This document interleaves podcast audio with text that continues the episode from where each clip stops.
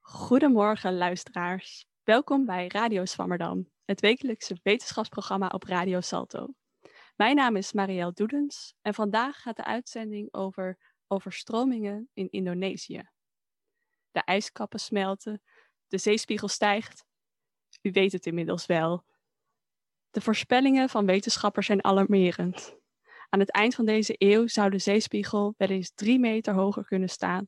En dat is natuurlijk een probleem voor lager gelegen gebieden zoals Nederland. Maar de stijging van de zeespiegel is niet iets wat u en ik zelf waarnemen.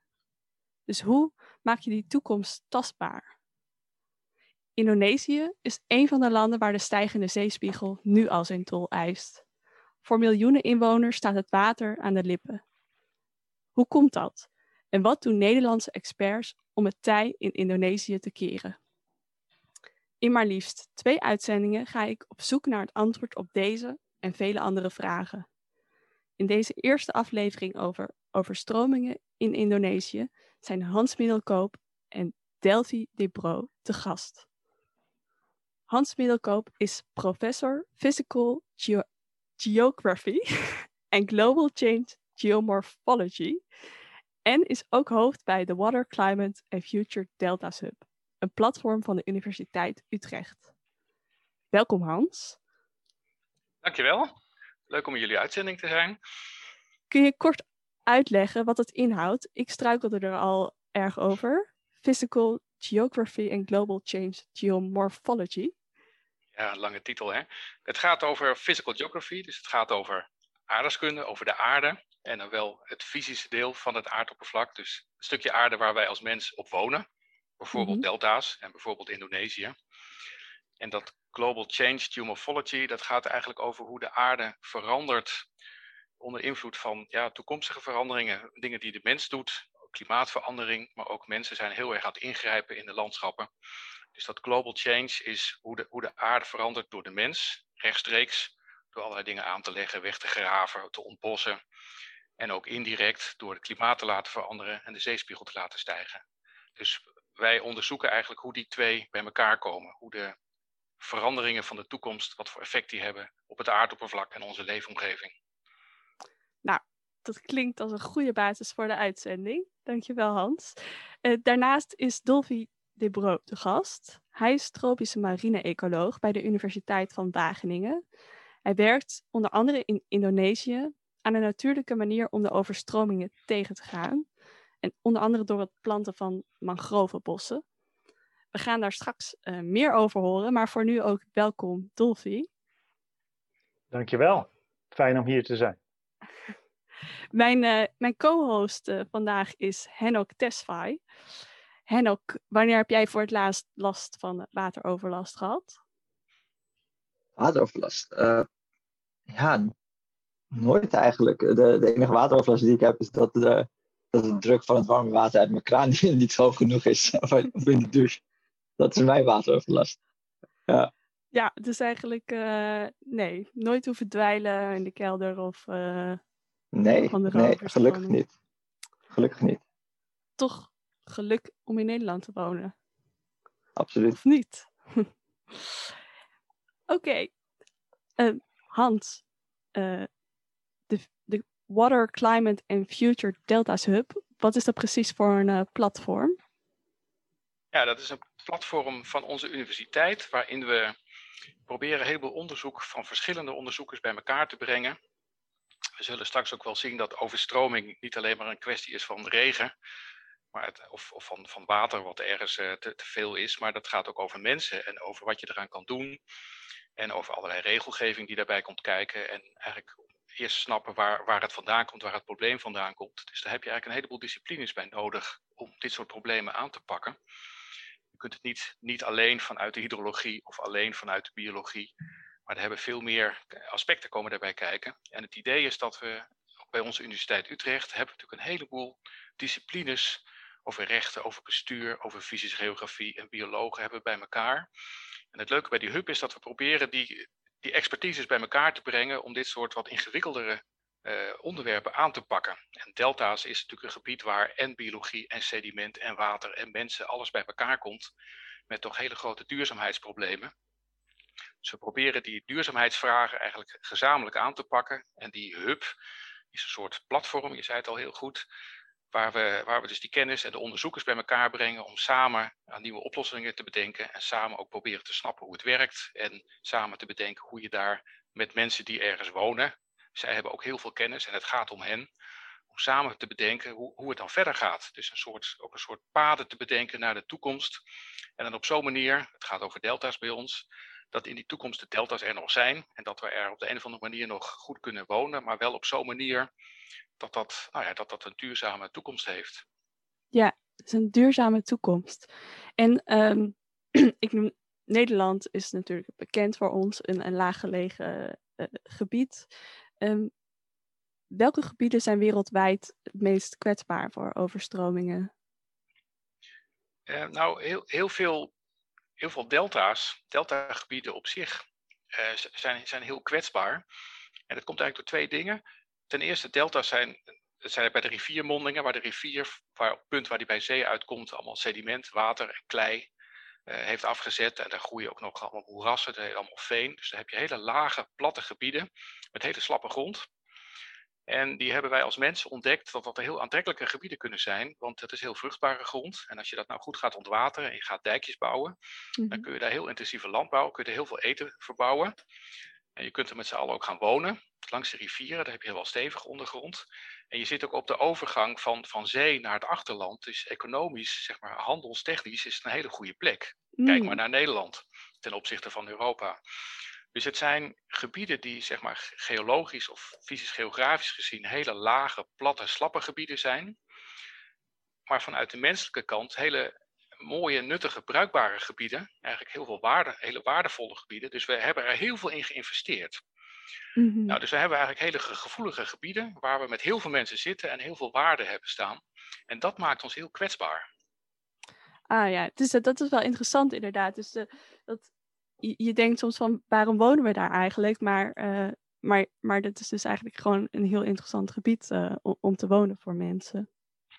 Ja, e-, eigenlijk van nature, als je, als, je, als je geen techniek hebt, eigenlijk niet, want dan is het een, eh, een heel vervelend nat moeras. Dan kun je net een beetje langs de rivieren lopen. Dus als je kijkt naar de Romeinen bijvoorbeeld, de, de, de noordelijke limes van het Romeinse Rijk, die liep langs de Oude Rijn. Mm -hmm. langs Nijmegen, Utrecht en dan zo naar Leiden. Toen, daar liep de Rijn toen. En die hadden al hun kampementen langs die riviertakken staan. Daar kon je precies wonen en lopen. En daarachter was één groot moeras. Maar we hebben natuurlijk later, vanaf het jaar 1000, zijn we in staat geweest om die moerassen te ontginnen. Uh, en, dan, en dan opeens hebben we een enorme landaanwinst met heel vruchtbaar land.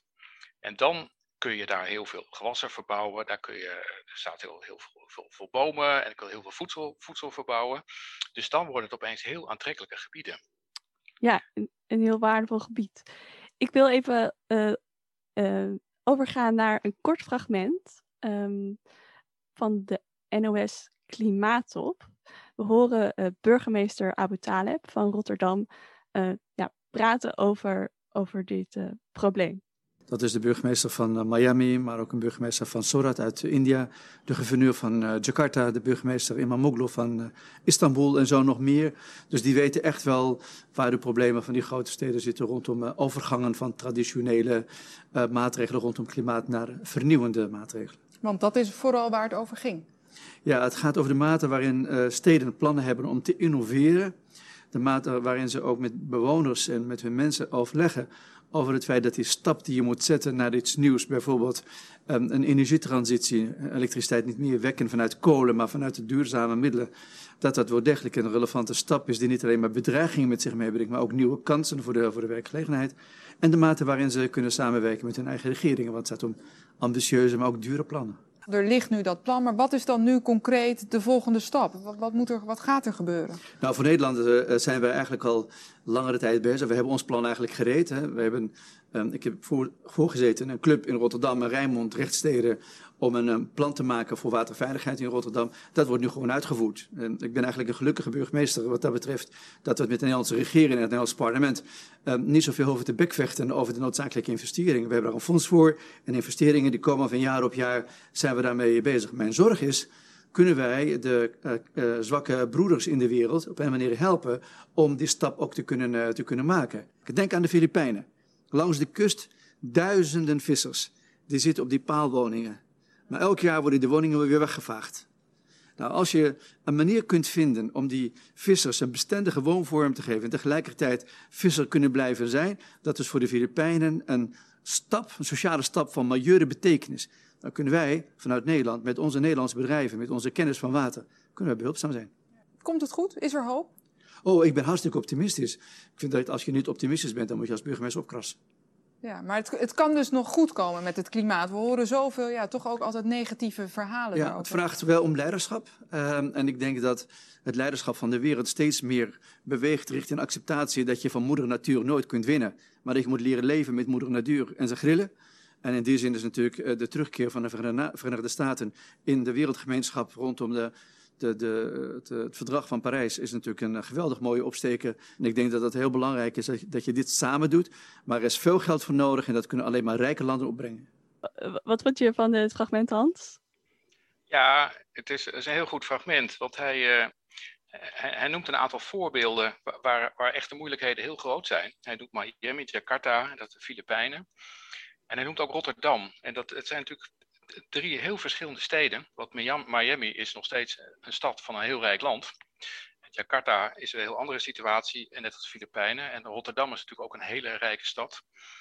Um, en de, de, problemen en de, en de type oplossingen zijn ook overal wel verschillend. Maar wat hij heel erg zegt, wat heel belangrijk is, we moeten uh, stoppen, of de traditionele wijze gaat niet meer werken. En de traditionele wijze is natuurlijk dat we ergens een dijkje bouwen op onze delta. Wat ik net schetste van, uh, we gaan het land gebruiken, dijkje eromheen ontwateren. En dan gaan we lekker aan de gang en steden bouwen. En dat gaat op een aantal plekken is niet meer vol te houden.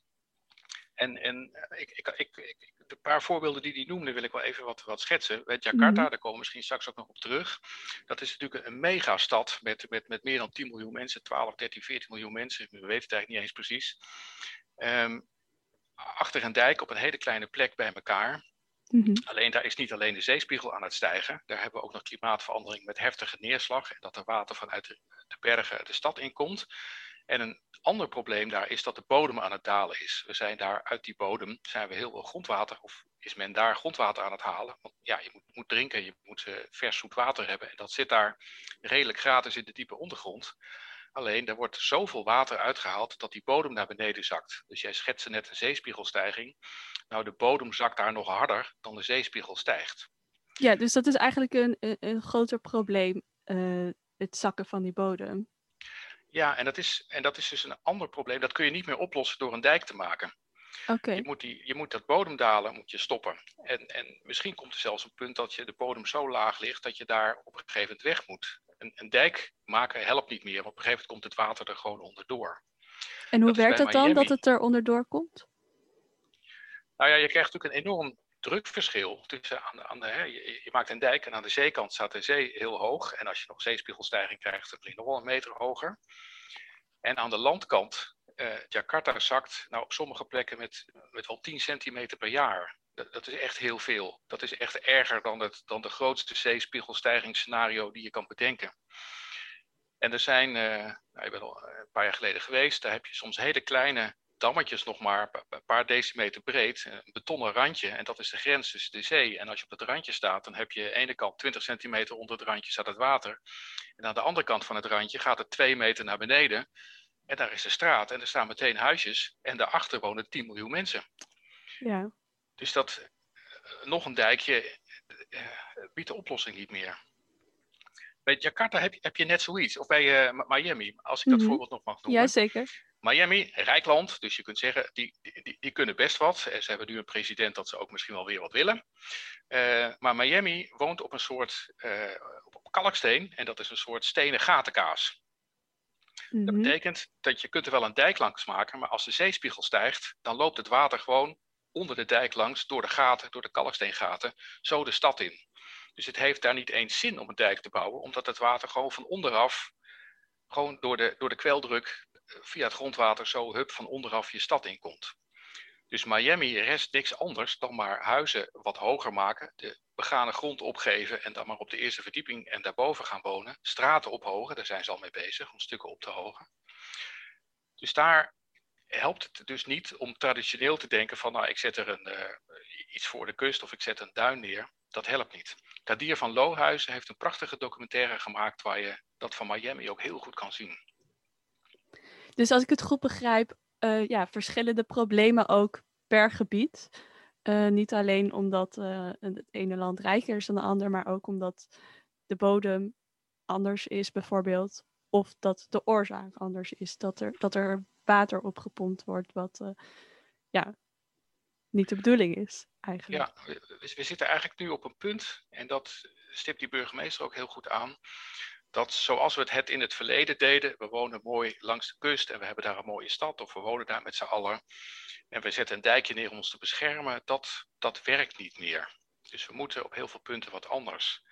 En hij noemt ook Rotterdam, en Rotterdam is ook heel goed bezig met, die moet natuurlijk beschermd worden tegen water, maar ook om te kijken hoe kun je water en de stad zo goed mogelijk met elkaar toch laten samenleven. Dus hoe kun je toch op plekken in de stad gewoon accepteren dat er water is, je stad dan zo inrichten dat dat geen probleem oplevert, maar dat je daar een soort ja, goede samenleving met water kan hebben. En daar is Rotterdam ook heel goed mee bezig. Oké, nou straks uh, meer over de oplossingen. Henok? Yes, um, als je dus, want uh, Maria, je zei het net ook al, Hans, je zei het zelf ook al, we merken dat dit soort problemen dus zowel in hele rijke landen en uh, wat andere landen uh, te zien zijn. Misschien wellicht niet dezelfde oorzaak, maar wel dezelfde problemen. Is er dan inderdaad echt vooral een gebrek aan kennis, waardoor deze problemen niet kunnen opgelost, opgelost kunnen worden? Of zou je ook kunnen zeggen dat er verschillen zijn in hoe mensen dit soort problemen zien in verschillende landen? Merk je dat daar ook een verschil in is?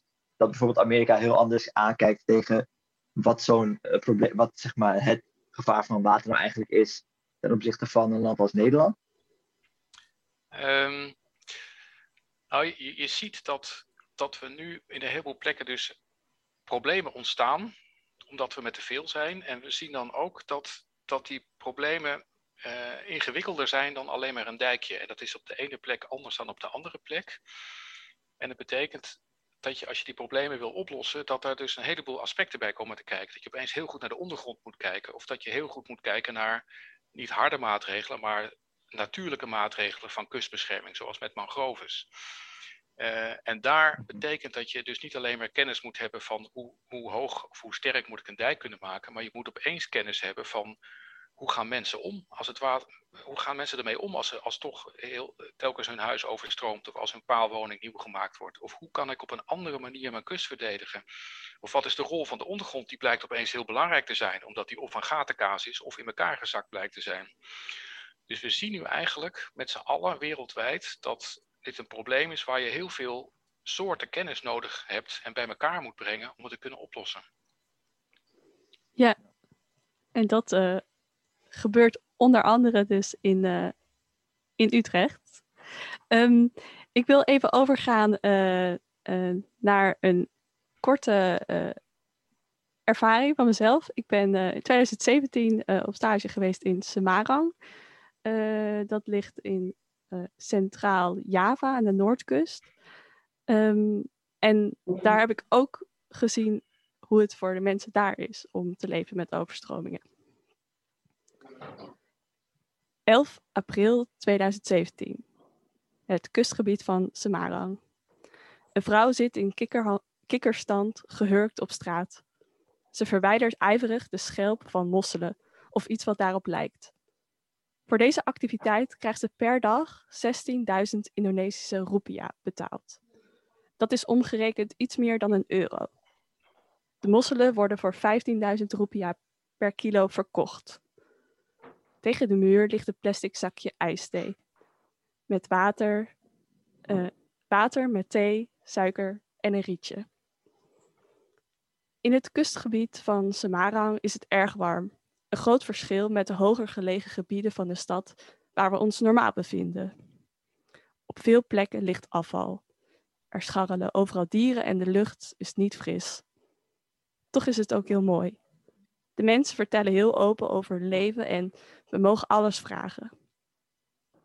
Elke middag om drie uur komt de vloed.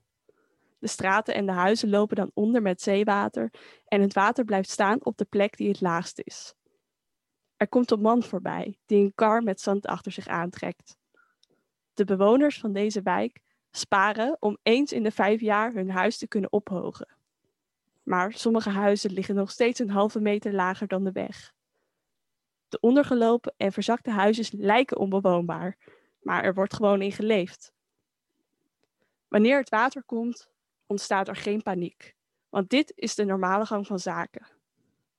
Ook de kinderen mogen van deze moeder gewoon hun gang gaan in het vloedwater. Het water is de oorzaak van vele ziektes in dit gebied. Educatie over het voorkomen van ziektes heeft deze vrouw nooit gehad, al zou ze dat wel willen. Wegtrekken trekken uit een huis dat onder water staat klinkt voor ons logisch, maar veel bewoners willen dat niet. Hun werk en sociale netwerk is op deze plek. Na haar trouwen is ze in deze visserswijk gaan wonen. En als ze na 30 jaar al zou willen verhuizen, dan gaat dat met een loon van 16.000 roepia per dag niet lukken. Dat um, was uh, een ochtendobservatie in uh, Semarang. Um, ook een bruggetje naar uh, het werk van Dolphy, want dat is ook in de buurt van dat gebied. Um, Dolphy, je bent tropisch marine ecoloog bij de Wageningen Universiteit en werkt in Indonesië aan het mangrovenherstel. Um, om te beginnen, is dat hetzelfde gebied wat ik net beschrijf of is dat toch nog een ander gebied? Ja, het is bijna hetzelfde gebied, uh, alleen wij werken op het platteland. Oké, okay. en um, Hans uh, beschreef net veel problemen die met het ontstaan van uh, overstromingen te maken hebben. Is dat een verschil tussen de stad en een platteland?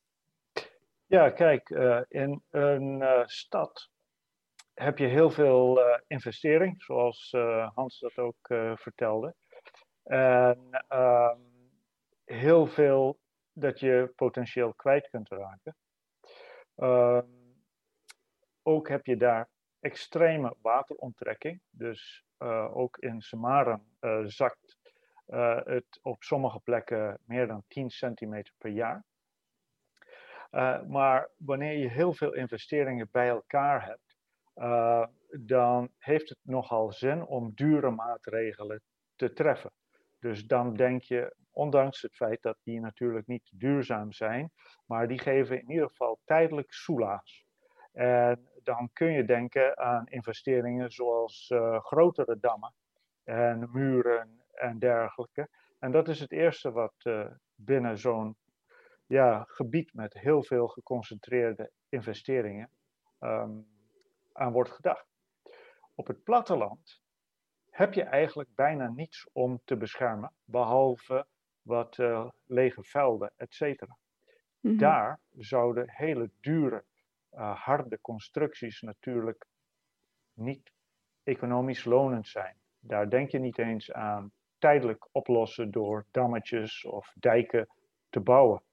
Daar ben je echt toegeschreven uh, aan heel goedkope systemen om je kust te beschermen en de akkers van die arme bewoners daar te beschermen. Dus daar ben je veel meer toegeschreven aan uh, ja, het, het, werken met de natuur en uh, de mogelijkheden die de natuur zelf biedt. En één daarvan is het terugbrengen van mangroves. En dat zie je dan ook heel veel in dat soort landelijke gebieden. Sinds mm -hmm. de, sinds de uh, grote tsunamis van 2005, dacht ik, waar heel veel mensen in Azië zijn, uh, waardoor heel veel mensen en ook in Indonesië zijn overleden, ja. is de focus van mangrovenherstel gekomen op het uh, gebruik van mangroves als een vorm van quote-unquote goedkope kustbescherming. En het is sindsdien echt enorm toegenomen als een soort middel om, om de kust, kustzone mee te beschermen. Dus ja, het is net, net wat anders dan in een, in een dichtbevolkte stad. Ja. Wat je kunt, wat je kunt gebruiken. Ja. En kun je wat meer vertellen over uh, jullie methode om die overstromingen tegen te gaan en, en die mangroves? Ja, dus um, wat wij daar toepassen is een systeem dat in Nederland is ontwikkeld om uh, kwelders mee te bouwen. Mm -hmm. En dat is uh, als je naar de Waddenzee gaat, uh, bij Friesland en elders, dan zie je van die lange rijen van palen in de grond met takken eromheen. En dat is een systeem waar in Nederland al eeuwen mee wordt gewerkt mm -hmm. om de kust mee te bestendigen. En dat systeem hebben wij daar ingevoerd als een manier om met overstroming en uh, kustbescherming om te gaan. Wat je dan krijgt is, achter zo'n rij palen heb je dat, uh, het is waterdoorlatend, maar omdat je de golven tegenhoudt, maar niet de getijen, komt de getijde naar binnen in dat kalm water met modder. Vanwege het feit dat er weinig waterbeweging en uh, verstoring is, kan die modder naar beneden zakken mm -hmm. en langzaam opbouwen. En de getijden gaan terug en het geheel wordt beschermd tegen de golven. En op een gegeven ogenblik uh, is dat gebied geschikt voor kolonisatie en groei van mangroves. En dat, die bomen, mangroves zijn hele unieke bomen, die groeien in zeewater en ook in gebieden met heel veel water. En die houden de bodem dan vast. En als dat eenmaal is gebeurd, kun je met die dammetjes wat verder van de kust. Mm -hmm. En op die manier de kust weer opbouwen in die gebieden waar de kust is verloren gegaan of waar uh, alles heel kwetsbaar is voor uh, overstroming en orkaanschade en dergelijke. Helder. Dus uh, ja, een duurzame aanpak ook voor, voor het kust- en waterbeheer. Um, ik kan me ook voorstellen dat, dat die takken en die, die, die bomen misschien vergaan als het natuurlijke producten zijn. Wat zijn de uitdagingen van dit project? Ja, dat klopt. Kijk, aan de ene kant zijn ze lokaal verkrijgbaar en goedkoop. Dus dat betekent dat de mensen die zelf kunnen produceren in Indonesië, daar hoef je geen dure materialen voor te importeren. Maar ze vergaan inderdaad uh, redelijk snel. Dus het is een uh, afweging tussen uh, de kosten van de aanschaf en plaatsing en het vervangen. Wij zijn nu bezig om verschillende houtsoorten te testen, om te kijken welke houtsoorten het meest geschikt zijn voor dit soort dammetjes. Ook werken we eh, binnenkort aan een ander uh, model voor dit soort dammetjes, waarbij we de hele dunne takken eruit halen en alleen werken met palen. Dat misschien uh, ook uh, doeltreffender is en minder duur om te onderhouden. Maar het feit dat die paaltjes toch verdwijnen voordat het land is bestendigd door mangroves, betekent dat je een manier moet vinden om het te kunnen financieren.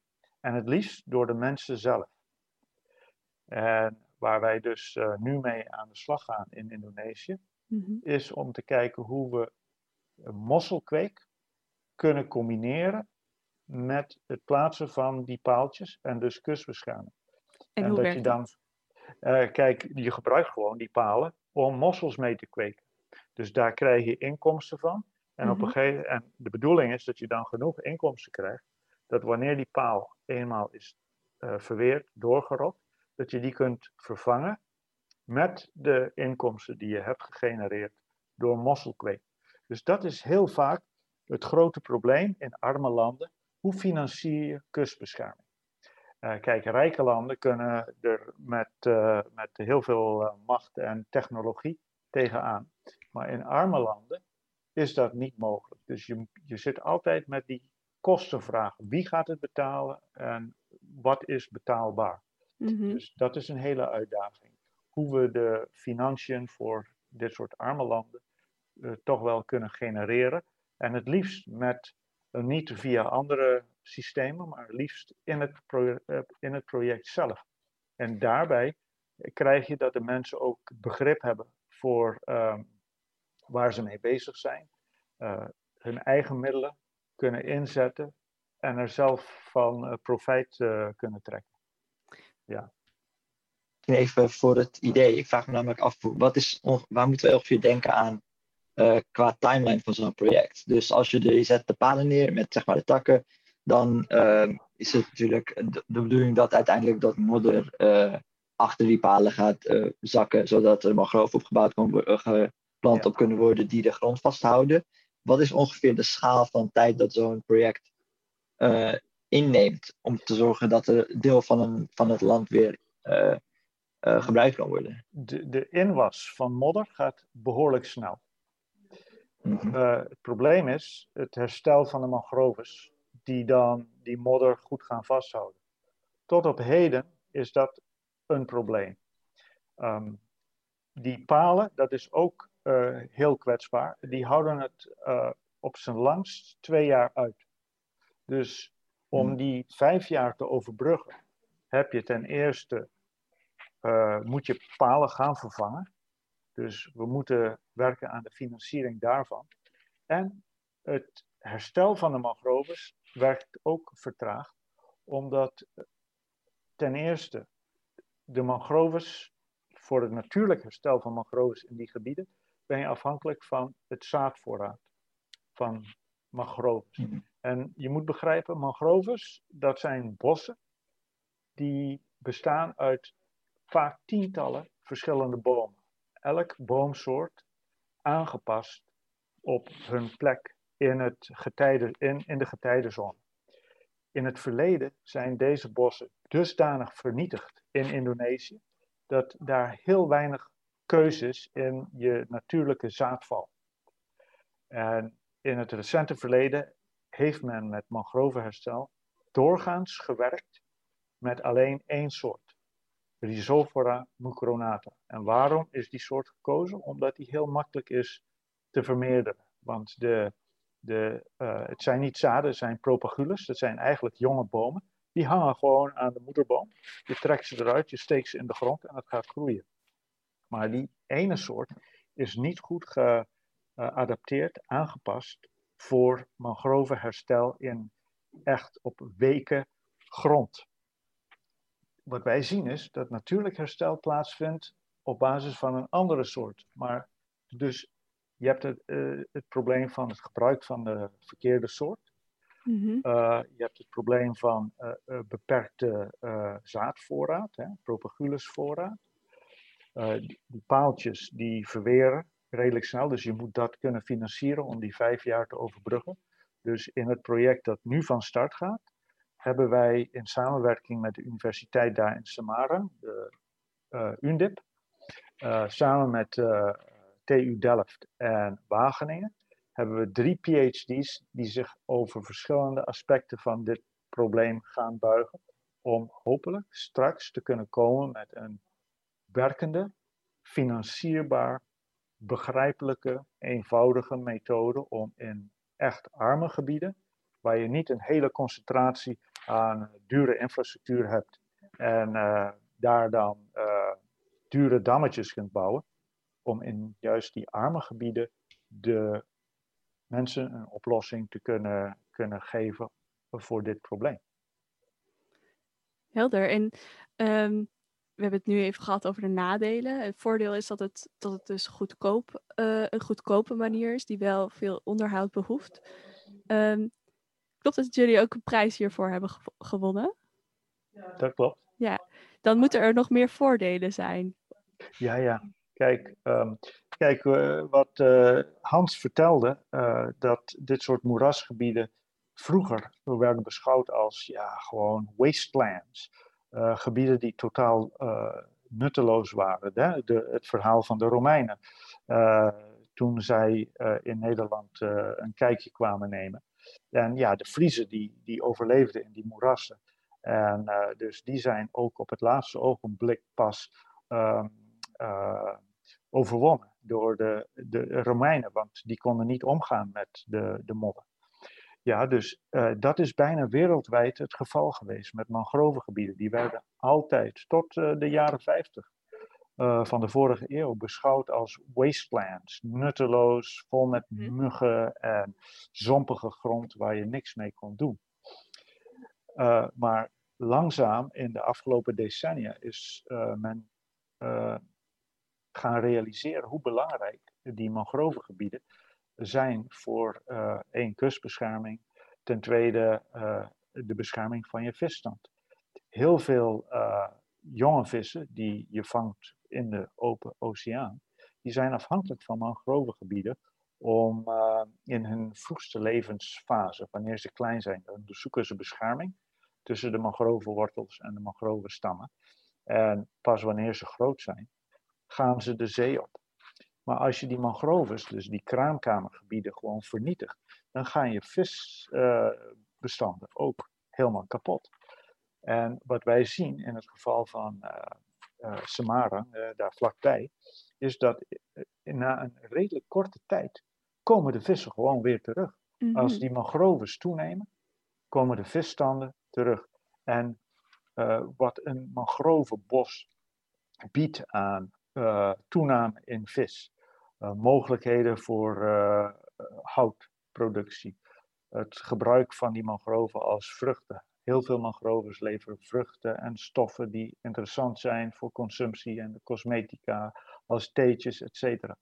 Als je, uh, en de kustbescherming, als je al die economische waarden van de mangroves bij elkaar optelt, is, dat, is die waarde veel groter dan wanneer je ze gewoon omkapt en daar garnalen gaat kweken. Dus het, het, het gaat echt om een veranderende blik op de waarde van dit soort vegetatie. En dat komt langzaam maar zeker wel op gang. Ja. Oké, okay, dus, dus het is eigenlijk een goedkope methode die wel onderhoud nodig heeft. Uh, maar natuur is onderdeel van het ontwerp en, en de vissen die profiteren daar ook van. Ja. En daarnaast levert het ook grondstoffen op. Dus ja, daardoor is het nog extra voordelig. Ja, het is on, ontelbare interessante producten die daarmee uh, te produceren zijn. In Indonesië, Indonesië is bekend voor batik, kleding mm -hmm. met mooie patronen. Misschien heb je daar ook uh, zo'n hemd of... of ja, ja, ja, een doek heb ik. Een doek, ja. Ik heb heel wat batik kleding. En dat is heel mooi te maken met die uh, kleurstoffen in de mangroves. Um, met de mangroves kun je heerlijke jam maken van de vruchten. Uh, in het dorp waar ik uh, regelmatig kom, plukken de mensen de bladeren en die bakken die bladeren dan. En dat levert heerlijke chips op. Dus je kunt gewoon mangrove bladeren plukken, die bakken en daar heerlijke, heerlijke voedsel. Er zijn theetjes. En hoe, hoe smaakt dat? Even als afsluiting van dit deel. Hoe smaakt de mangrove chips? Als een soort uh, barbecue chip van Lees, maar dan nog lekkerder. echt heel goed. Nou, ik ben en, echt ja. benieuwd. Ja. We gaan nu even uh, door naar een, de column uh, van Jouke. Jouke Huizer is politiek socioloog. En ik heb hem midden in verkiezingstijd gevraagd om een column over overstromingen in Indonesië te schrijven. Laten we gaan luisteren. Wanneer we in Nederland over overstromingen in Indonesië praten, denken we meestal niet aan klimaatverandering, ontbossing, een gebrek aan drinkwater. Net als wanneer we het hebben over het oppompen van grote hoeveelheden water, niet denken aan overstromingen of überhaupt aan Indonesië, maar eerder aan onze eigen polders. Nee, wanneer we van overstromingen in, in Indonesië horen, gaan onze gedachten onwillekeurig uit naar tweede kerstdag 2004, toen een aardverschuiving nabij de kust van Sumatra een 17 meter hoge golf creëerde, die grote delen van de kustlijn wegspoelde en niet honderden, maar honderdduizenden mensen het leven kostte. En misschien meer nog dan aan, die overstroming denken we aan de inzamelingsactie van de samenwerkende hulporganisaties die kort daarna Giro 555 opende waar toen omgerekend ineens 0,2 miljard dollar op werd gestort. Nooit eerder en nooit later zou er zoveel geld in worden gezameld voor ontwikkelingshulp in Nederland. En omdat de overheid ook nog eens 300 miljoen aan toevoegde, stond Nederland vijfde op de lijst van meest gullige gevers. Daar werden behoorlijk wat inspanningen voor geleverd. Wie doneerde maakte zelfs kans om minister-president Balken aan de, aan de lijn te krijgen. Die generositeit deed iets met de natie. Ik quote: Nederland was even één. Op 6 januari en de dagen erna lieten we ons van onze beste kant zien. Overal in het land waren het medeleven en samenhorigheid voelbaar. De televisie bracht alles en iedereen bij elkaar. Het waren de ontwikkelingen rondom de tsunami en de actie van Giro 555 waar het allemaal om draaide. Zo viel een jaar later te belezen in de Tsunami-krant. Uh, die de, destijds werd uitgegeven door, door de samen de hulp, werkende hulporganisaties met een oplage van 3 miljoen. Dat was nodig, want maar liefst twee derde van de Nederlandse bevolking geloofde niet dat het geld goed terecht was gekomen. Maar dat was een peiling achteraf. Bij de inzamelingsactie stond de verbroedering centraal, zo stond in diezelfde krant. Ondertussen vroegen journalisten zich maar altijd uit af hoe het toch kwam dat Nederland zo genereus was in vergelijking met de rest. Een leven met en daarmee ook maar de al te bekende angst voor het water misschien. Een manier om na eeuwen van koloniale onderdrukking iets goeds te doen voor de getroffen oud-koloniën. Of gewoon omdat Nederland zich, net als de Duitsers en de Scandinavische landen, graag om zijn voorbeeldfunctie beroemt. Wat de verklaring ook was, de tsunami en vooral de inzamelingsactie daarna, was misschien wel het laatste moment dat Nederland zichzelf een voorbeeld waande voor de rest van de wereld. Natuurlijk, veel mensen hadden hun wenkbrauwen opgetrokken toen ze zagen hoe Fortuyn op was gekomen en koelbloedig werd vermoord. Ook de moord op Theo van Gogh lag nog vers in het geheugen, maar die had de natie, of in elk geval het oorverdovend hart, schreeuwende en schrijvende deel daarvan alleen maar verder verenigd. De LPF was destijds nog geen schim van wat zij ooit geweest was. Maar als het jaar 2005 nog zo eensgezind begon, zou het ook het jaar worden waarin veel veranderingen in gang worden gezet, werden gezet die een blijvende stempel zouden drukken op het internationale aanzien van Nederland. Het Nederlandse nee tegen de Europese grondwet of de oprichting van de Partij voor de Vrijheid zouden allebei als kantelpunten kunnen gelden. Wat volgde waren jaren van politieke verruwing, jaren waarop een versie van de boze burger moest begrepen moest worden. Jaren ook waarin men steeds meer terug verlangde naar de Gouden Eeuw, de VOC-mentaliteit, waarin de tsunami het voormalig Nederlands-Indië had getroffen, ineens tot een politieke metafoor werd. Want hoewel Nederland die Gouden Eeuw nog blakerde van de migranten, werden we nu, er nu mee overspoeld en zouden we, als we niet ingrepen, net zo machteloos staan als die 230.000 doden en miljoenen slachtoffers van de zeebeving. Ondertussen kwam ontwikkelingshulp steeds verder in het verdomhoekje te staan. Had men voor 2004 nog vooral kritiek op de aanschaf van de Joint Strike Fighter en de politieke steun aan de oorlog in Irak? Na 2005 moest er vooral op die andere impopulaire post, niet defensie, maar ontwikkelingssamenwerking, worden bezuinigd. Inmiddels is ontwikkelingssamenwerking dan ook weinig meer dan een subsidie aan activiteiten van Nederlandse bedrijven in het buitenland. Was Nederland naar binnen gaan kijken, vroeg men zich een trouw hardop af nadat men zag dat het onderwerp inderdaad het ondergeschoven kindje van de campagne was. Het lijkt er inderdaad steeds meer op dat de Nederland en de Nederlanders zich achter de dijken hebben teruggetrokken en vooral naar binnen kijkt. Die analyse is op zich niet nieuw. Al vele historici, columnisten en politici hebben erop gewezen dat Nederland haar zorgvuldig opgebouwde positie als gidsland langzaam kwijt is geraakt. Hoe Nederland in zaken kwesties als Europa of het Israël-Palestina-conflict steeds verder de vaker de kant van de oppressor kiest, door steun aan zwakke lidstaten of nadrukkelijke veroordelingen dwars te liggen. Vaak klinkt in dit soort beschrijvingen een zekere weemoedigheid door, een verlangen naar die tijd dat de Nederlandse elites het establishment elders een voorbeeld stelden in plaats van ze paternalistisch de les te leven zoals we dat van Hoekstra en Dijsselbloem kennen. De tijd dat Nederland de naam had tolerant te staan.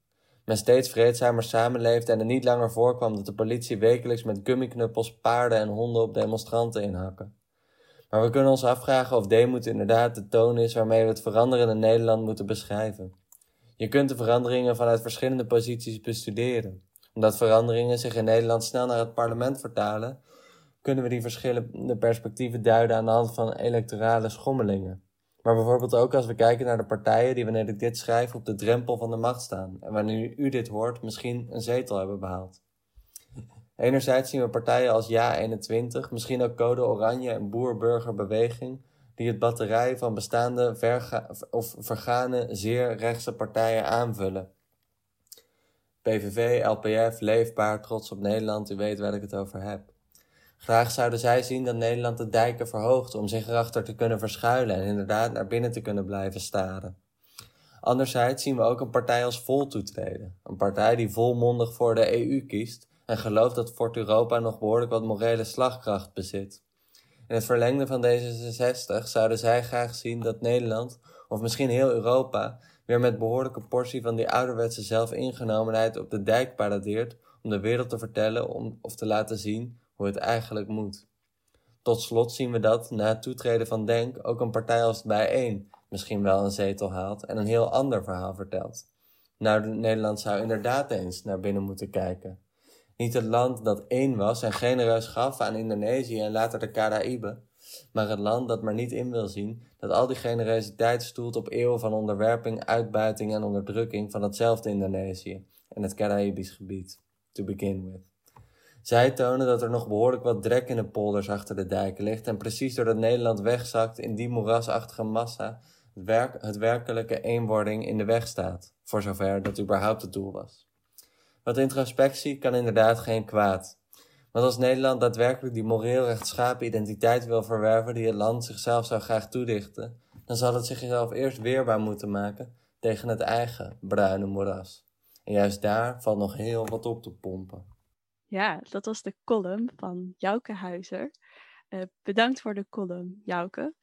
U luistert nog steeds uh, naar Radio Swammerdam, uh, waar ik het samen met Hans Middelkoop en Dolphy de Bro heb over overstromingen in Indonesië. Um, ja, Jouke gaf een politiek perspectief op de kwestie. Um, merken jullie dat Nederland veranderd is de laatste tijden? Wat betreft de ontwikkelingssamenwerking bijvoorbeeld? Nou, ik weet niet of je al meteen merkt of Nederland veranderd is. Wat ik, wat ik heel mooi vind aan de, aan de column, zeg maar een beetje gereflecteerd aan wat, waar we het hier over hebben, over klimaatverandering en zeespiegelstijging en maatregelen, is dat het, het gaat over veranderingen. We moeten, we, we klampen ons nog vast zeg maar, aan iets wat we hadden en waar we heel succesvol mee geweest zijn. Alleen de omstandigheden veranderen. Het wordt gewoon anders. En daar moeten we dat moeten we omarmen in plaats van tegen proberen te houden. En of dat nou gaat over natuur of JSF's of over buitenlanders of over water. Mhm. Het is heel erg een beetje een soort, we hebben iets wat we, wat we koesteren en wat we niet kwijt willen. Een soort conservatisme. Maar er gaan dingen veranderen die we, die we niet meer in de hand hebben. En dan kunnen we er ons tegen blijven verzetten. Of we kunnen proberen te snappen wat gaat er veranderen.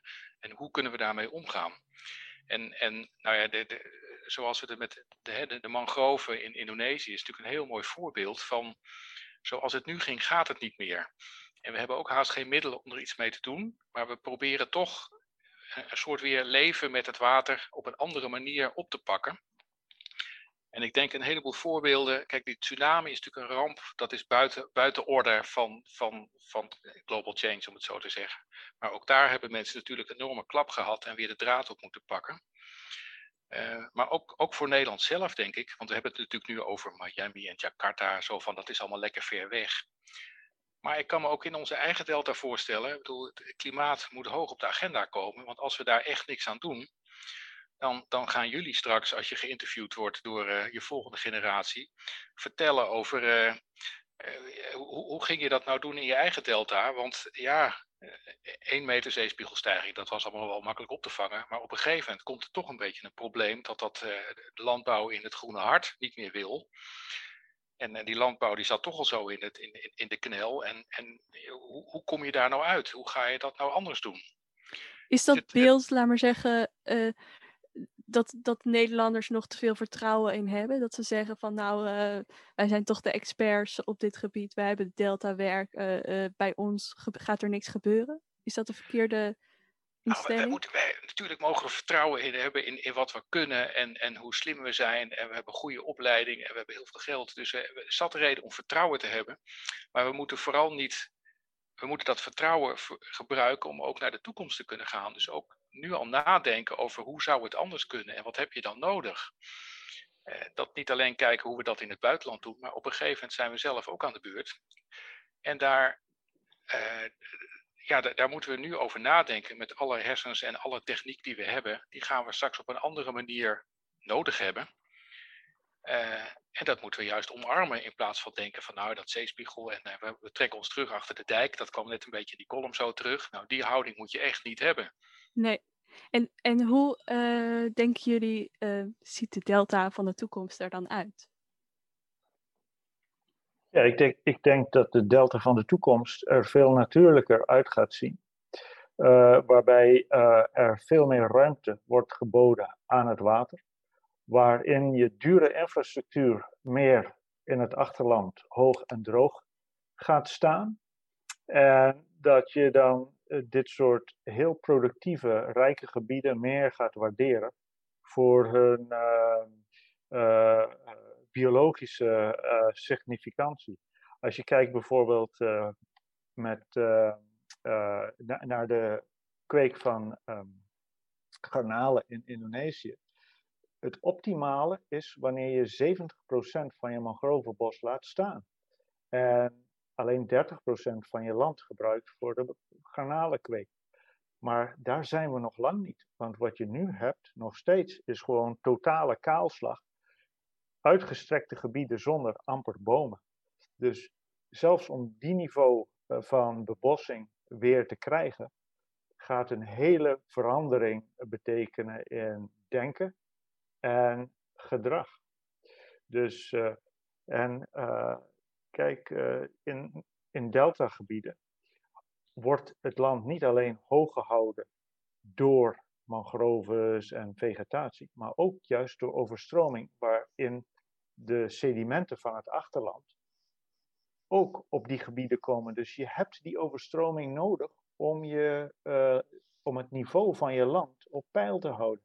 Het moment dat je overal dammetjes plaatst en de sediment alleen in de rivier laat en mooi naar zee laat stromen, dan verlies je juist de kracht die je op, op, uh, op eh, niveau houdt, hè? zodat je niet wegzakt in, ja. in alles.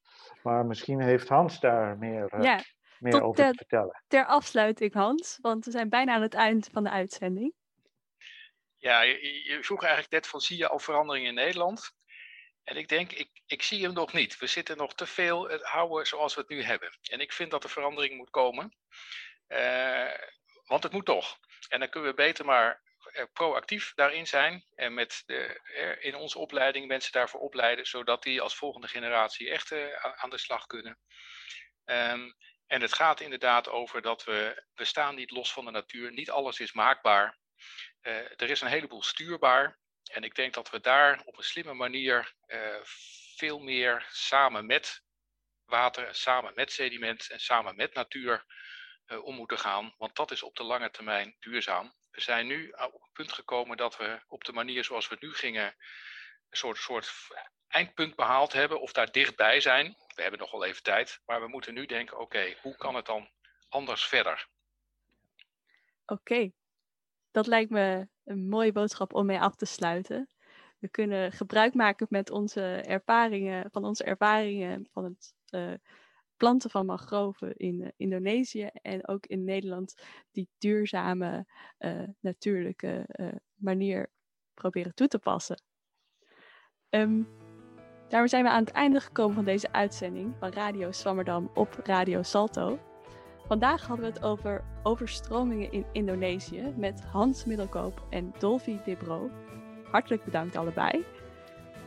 De column was van de hand van Jouke Huizer en mijn co-presentator en technicus van vandaag was Henok Tesfaye. Ook heel erg bedankt. Over een paar weken volgt deel 2 van overstromingen in Indonesië en spreek ik onder andere met bouwkundig ingenieur Bastien van Veen over zijn werk in de zinkende miljoenenstad Jakarta. Deze en andere uitzendingen kunt u terugluisteren als podcast op radioswammerdam.nl en zijn ook te vinden op Spotify, SoundCloud en iTunes. Wilt u meer weten over water? Neem dan zeker even een kijkje op onze website in het dossier water vind je uitzendingen uit 2018 over bijvoorbeeld waterschaarste, de Egyptenaren en de bijzondere eigenschappen van water en de wateroorlog. Wilt u reageren op deze uitzending? Dan kan dat via Instagram, Radio Swammerdam, Facebook of Twitter. U kunt ook reageren door een mailtje te sturen naar redactie.radioswammerdam.nl Mijn naam is Marielle Doedens en ik was uw presentator voor vandaag.